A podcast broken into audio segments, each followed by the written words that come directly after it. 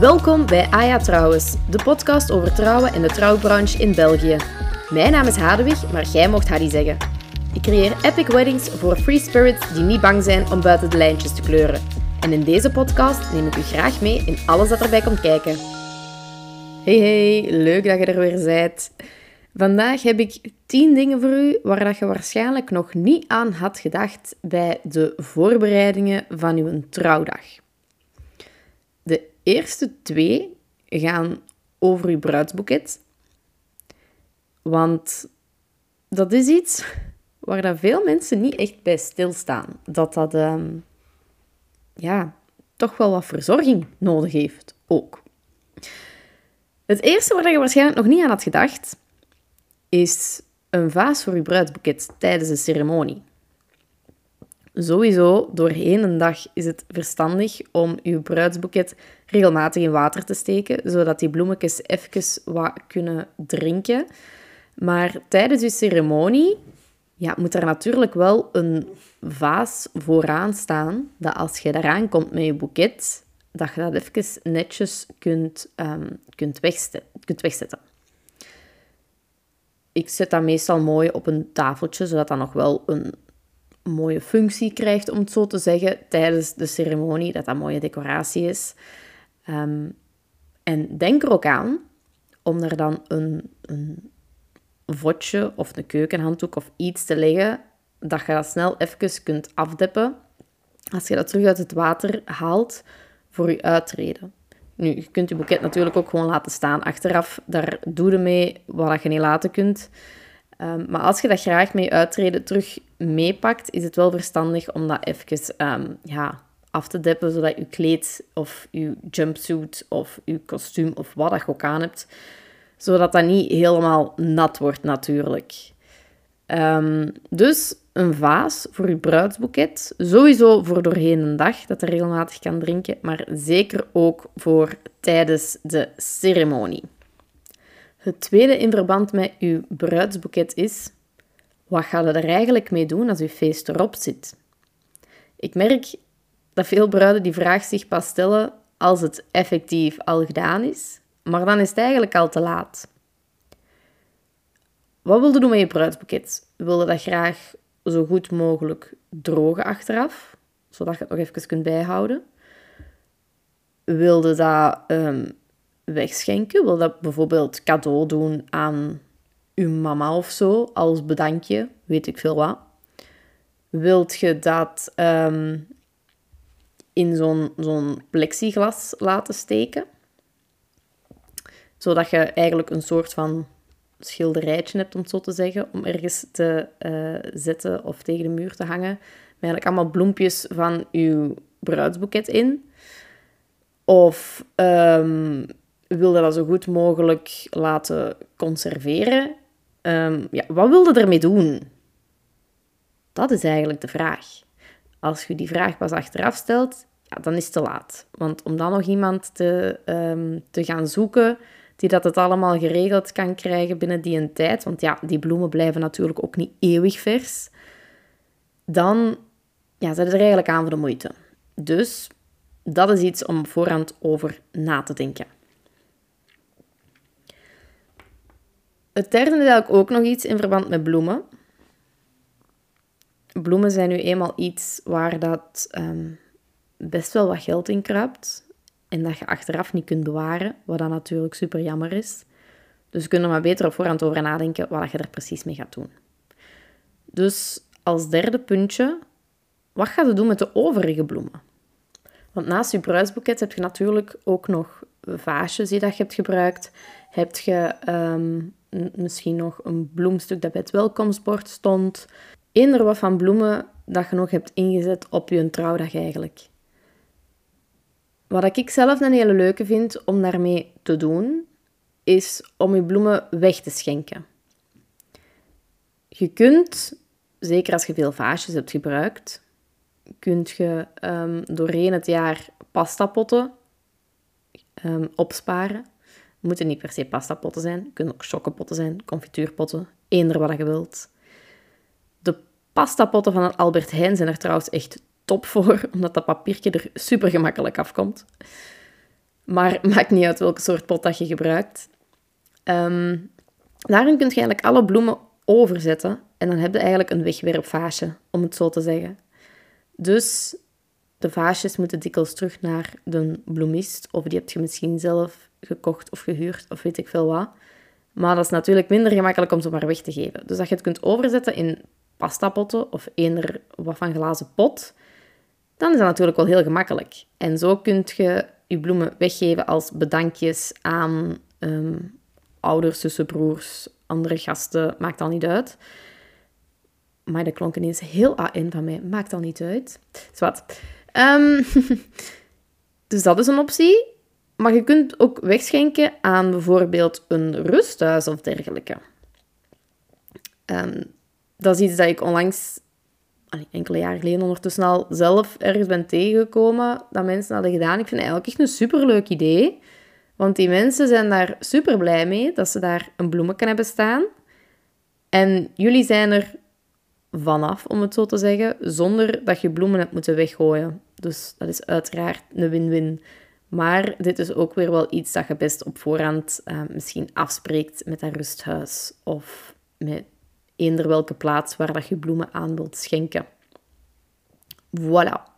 Dat is zo'n beetje over de bloemen. Maar denk er gewoon goed over na. Um, want het is gewoon zonde om alles zomaar weg te gooien. Dan een vierde puntje. In verband met de decoratie. Denk eraan dat je decoratie ook kunt huren en dat je niet alles moet kopen.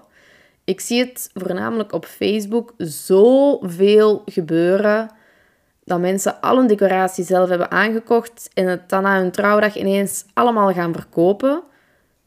Terwijl dat, dat ook niet hoeft, hè.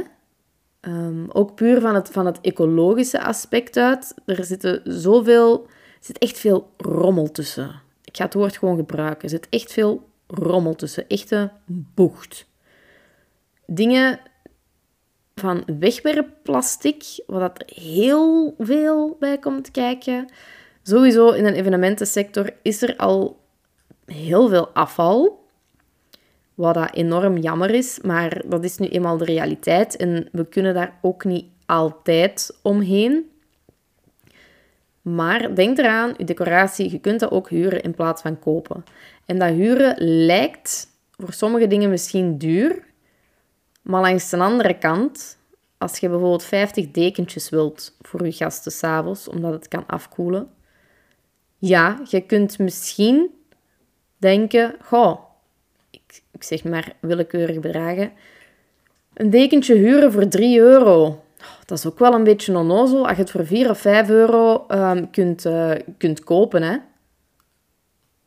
Ja, misschien wel. Maar wat ga je doen met 50 tekentjes achteraf? Laat we eerlijk zijn, dat gaat gewoon ergens in je kast belanden. Of je gaat dat inderdaad doorverkopen of zo. Maar het bestaat al. Het is er al. En je gaat het maar één keer zelf gebruiken. Dus denk er gewoon aan dat je heel veel dingen ook kunt huren in plaats van kopen. Voilà, dat wil ik maar even meegeven. Nog iets dat vaak vergeten wordt. Nu, op de meeste trouwlocaties um, bieden ze dat wel zelf aan. Maar als je bijvoorbeeld een feest in je tuin doet, of weet ik veel wat, denk aan een cadeautafel met daarop ook een enveloppendoos. Er gaan mensen aankomen met cadeaus. Dat zijn er niet meer zo gek veel tegenwoordig, maar er gaan er nog zijn. Maar voornamelijk met enveloppen. Dus zie dat je een enveloppendoos hebt waar dat je het allemaal in kwijt kunt. Voilà. Dan nog een belangrijke. Eigenlijk hetzelfde als wat ik net aanhaalde met de bloemen. Maar dan eerder over het algemeen. Heel vaak wordt er gedacht van, oké, hoe gaan we alles tot op de locatie krijgen? Hoe gaan we ervoor zorgen dat alles klaar staat voor het feest? Hoe gaan we ervoor zorgen dat dat feest goed loopt? Kijk hoe dat erover nagedacht wordt. Maar dan, alles en iedereen moet er ook terug weggeraken, hè? En dat is iets waar dat heel veel mensen niet bij stilstaan. Dus maak heel duidelijke afspraken met, met de locatie. Wanneer moet alles weg? hoe geraakt alles weg? En ook iedereen. Dus bijvoorbeeld uh, voor jullie ook, als je zelf een glaasje wilt drinken op je trouwdag, maar je bent er bijvoorbeeld met een auto aangekomen, ja, moet er natuurlijk wel een plan zijn over hoe dat jullie daar terug weggeraken, hoe dat jullie auto daar terug weggeraakt. Zo van die zaken. Dus denk daar gewoon op voorhand over na. Oké, we hebben alles daar gekregen. Heel tof, heel gezellig. Maar hoe geraakt alles en iedereen ook terug weg? Dat gaat u enorm veel onnodige stress besparen als je daar op voorhand al over hebt nagedacht. Nog iets dat vaak vergeten wordt, of waar je misschien nog niet aan had gedacht, dat is een soort van mini-emergency kit. Waar je eigenlijk allemaal praktische dingen in steekt. Dat kan zijn bijvoorbeeld een naaisetje. Je kunt misschien denken, oh, maar mijn, mijn kleren, dat gaat niet scheuren. It happens, geloof mij. een naaisetje dus. Um, maar dat kan ook zijn een deodorant voor als je even wat wilt opfrissen. Muntjes misschien, um, voor als je ja, met veel te babbelen daar een droge mond door krijgt. En dat je denkt van, oh, ik wil een beetje terug een frisse adem. Muntjes, iets van handcrème. Wat dan misschien handig kan zijn, zeker op warmere dagen. Um, als je een trouwring moet aankrijgen. En als je daar, ja, als je daar gevoelig voor bent, dat je handen nogal eens gemakkelijk opzwellen door de warmte of zo, kan handcrème daar ook wel een heel gemakkelijke in zijn. Ehm, en ja, zo moet je eigenlijk zelf een beetje gaan nadenken van oké, wat kan er bij mij mislopen dat ik eigenlijk heel gemakkelijk kan oplossen? En zelfs mislopen is niet eens het juiste woord. Hè? Maar wat, wat zijn van die praktische dingen die dat ik misschien wel nodig kan hebben die een dag? En maak gewoon een zak waar dat, dat allemaal in zit. En zorg dat dat gewoon ergens achter de schermen, maar wel redelijk dichtbij ligt. Zodat als er iets gebeurt, als mensen u iets komen vragen, dat je gewoon daarnaar kunt verwijzen en klaar. Heel belangrijk trouwens om niet te vergeten daarin zonnecrème. Zeker als het, ehm, als het echt zo'n schone zomerdag is. Je verbrandt sneller dan dat je denkt. En je zet er op dat moment ook niet mee bezig. Dus zie gewoon dat je dat echt wel bij hebt. Dan iets... Um, ja, de laatste drie dingen zijn eigenlijk dingen waar budgetair dikwijls ook niet aan gedacht wordt. Maar daarom geef ik ze graag even mee. Als eerste, dat is misschien heel onnozel, maar postzegels. Ik heb het um, voor dat ik ben begonnen met dit op te nemen nog even opgezocht. Ondertussen bij Bpost 10 postzegels, 14,60 euro. Dat is al iets, hè? Ik weet niet wat ik verwacht, want ik gebruik echt letterlijk nooit postzegels. Um, maar ik denk de laatste keer dat ik een postzegel heb gekocht, dat nog 70 cent was of zo, ik weet het niet. Maar 14,60 euro voor 10 postzegels, dat is al iets, hè? Als je dan begint te tellen, je save the date versturen, je uitnodiging versturen, misschien ook bedankkaartjes achteraf, dan begint dat toch ook al wel vrolijk op te tellen. Dus vandaar, bekijk even op voorhand hoeveel postzegels dat je nodig hebt. Wat dat wel heel tof is, vind ik zelf, is om uh, de postzegel te personaliseren. Dus dat kan kunt via Bpost um, zelf een foto of zo op je postzegel zetten. Ik vind dat zelf enorm tof om aan te krijgen. Maar ja, dan moet je natuurlijk zelf een beetje zien hoe belangrijk uh, dat je dat vindt. Nog twee dingen waar dat budgetair gezien vaak niet aan gedacht wordt. Crew catering. Wat houdt dat in? Eigenlijk iedereen die dat daar aan het werken is, moet ook blijven leven. En hoe blijven die mensen leven? Ook door te eten en te drinken. Nu, als jij je cateraar um, aanspreekt, die cateraar gaat waarschijnlijk wel eten voor zijn eigen volk voorzien. Dat gaat waarschijnlijk bij die prijs zitten of dat gaat apart mee op die offerte staan. Maar je hebt daar ook misschien een weddingplanner rondlopen, een fotograaf rondlopen, een videograaf, een DJ, um, weet ik veel wie dat jij nog allemaal hebt ingeschakeld die een dag om, um, om te komen werken voor u. Maar die mensen, die moeten ook wel eten hebben. En uw cateraar moet dan op voorhand weten hoeveel mensen dat, dat zijn. En de kans is groot dat daar een extra bedrag voor wordt aangerekend. Dus hou daar ook rekening mee. Nu wel een belangrijke, voor de crew moet je natuurlijk niet dezelfde maaltijd voorzien als voor je gasten. Als je echt een uitgebreid drie, vijf, zeven gangen menu hebt voor je gasten, je crew verwacht dat niet, hè. Ehm, ja, ik heb al wel gehoord van sommige fotografen dat die wel in een algemene voorwaarden hebben staan dat ze mee aan tafel moeten zitten met de gasten.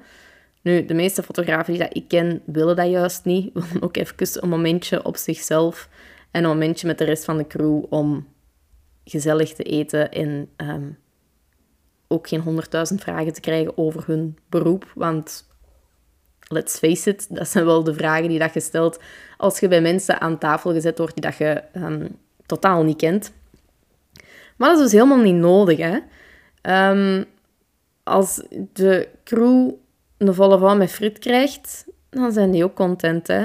En believe me, als ik dat krijg, ben ik enorm content. Echt beste eten ter wereld.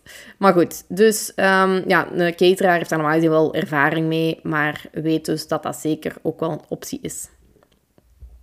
Het laatste puntje waar dat veel mensen niet aan denken, of ja, niet aan denken is misschien geen goed woord, maar uh, waar daar over gekeken wordt, ik zal het zo zeggen, dat is de BTW.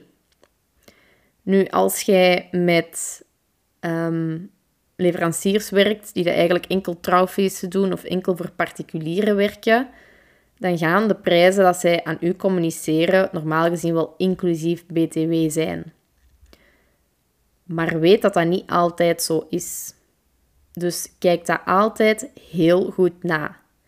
Als er uh, bijvoorbeeld cateraars zijn die dat zowel voor particulieren werken als voor bedrijven werken, dan is de kans heel groot dat op hun offerte dat die prijzen exclusief BTW zijn.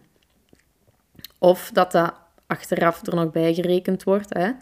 Maar bekijk dat heel goed bij alle bedragen dat je ziet staan. Oké, wat is er inclusief BTW, wat is er exclusief BTW? Als het er niet expliciet bij staat en je zit er niet zeker van, vraag het dan gewoon. Want het laatste wat je wilt, is dat je een offerte krijgt voor weet ik veel wat, uh, ik zeg nu maar iets, voor licht voor in uw zaal um, ehm, 1000 euro, om even gemakkelijk te rekenen. Het licht voor in zaal is 1000 euro.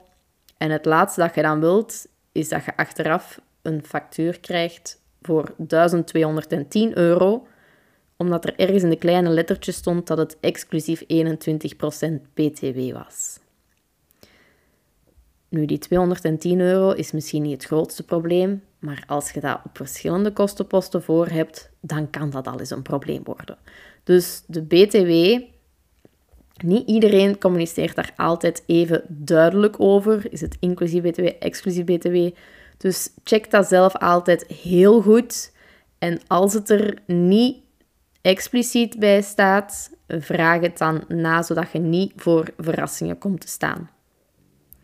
Voilà, dat waren mijn 10 dingen waar je waarschijnlijk nog niet aan had gedacht. Had je hier al wel allemaal aan gedacht? Top, fantastisch, keigoed bezig. had je hier nog niet aan gedacht, dan, um, ja, voilà, dan hoop ik dat ik u iets heb bijgebracht vandaag. Of dat ik uh, u aan het denken heb gezet, dat ik u misschien inspiratie heb gegeven. Als dat zo is, um, je mag me dat altijd laten weten via uh, Instagram, amuse.weddings. Ik vind het altijd leuk om te zien of om te horen wat dat mensen um, vinden van de podcast en of dat ze er iets uit hebben gehaald. En dan zou ik zeggen, ja, geniet nog verder van deze hopelijk mooie dag als je aan het luisteren bent. En um, als het vandaag toevallig niet zo'n mooie dag is, dan hoop ik dat ik hem iets mooier heb kunnen maken. Goed, merci om te luisteren. Amusement en tot de volgende.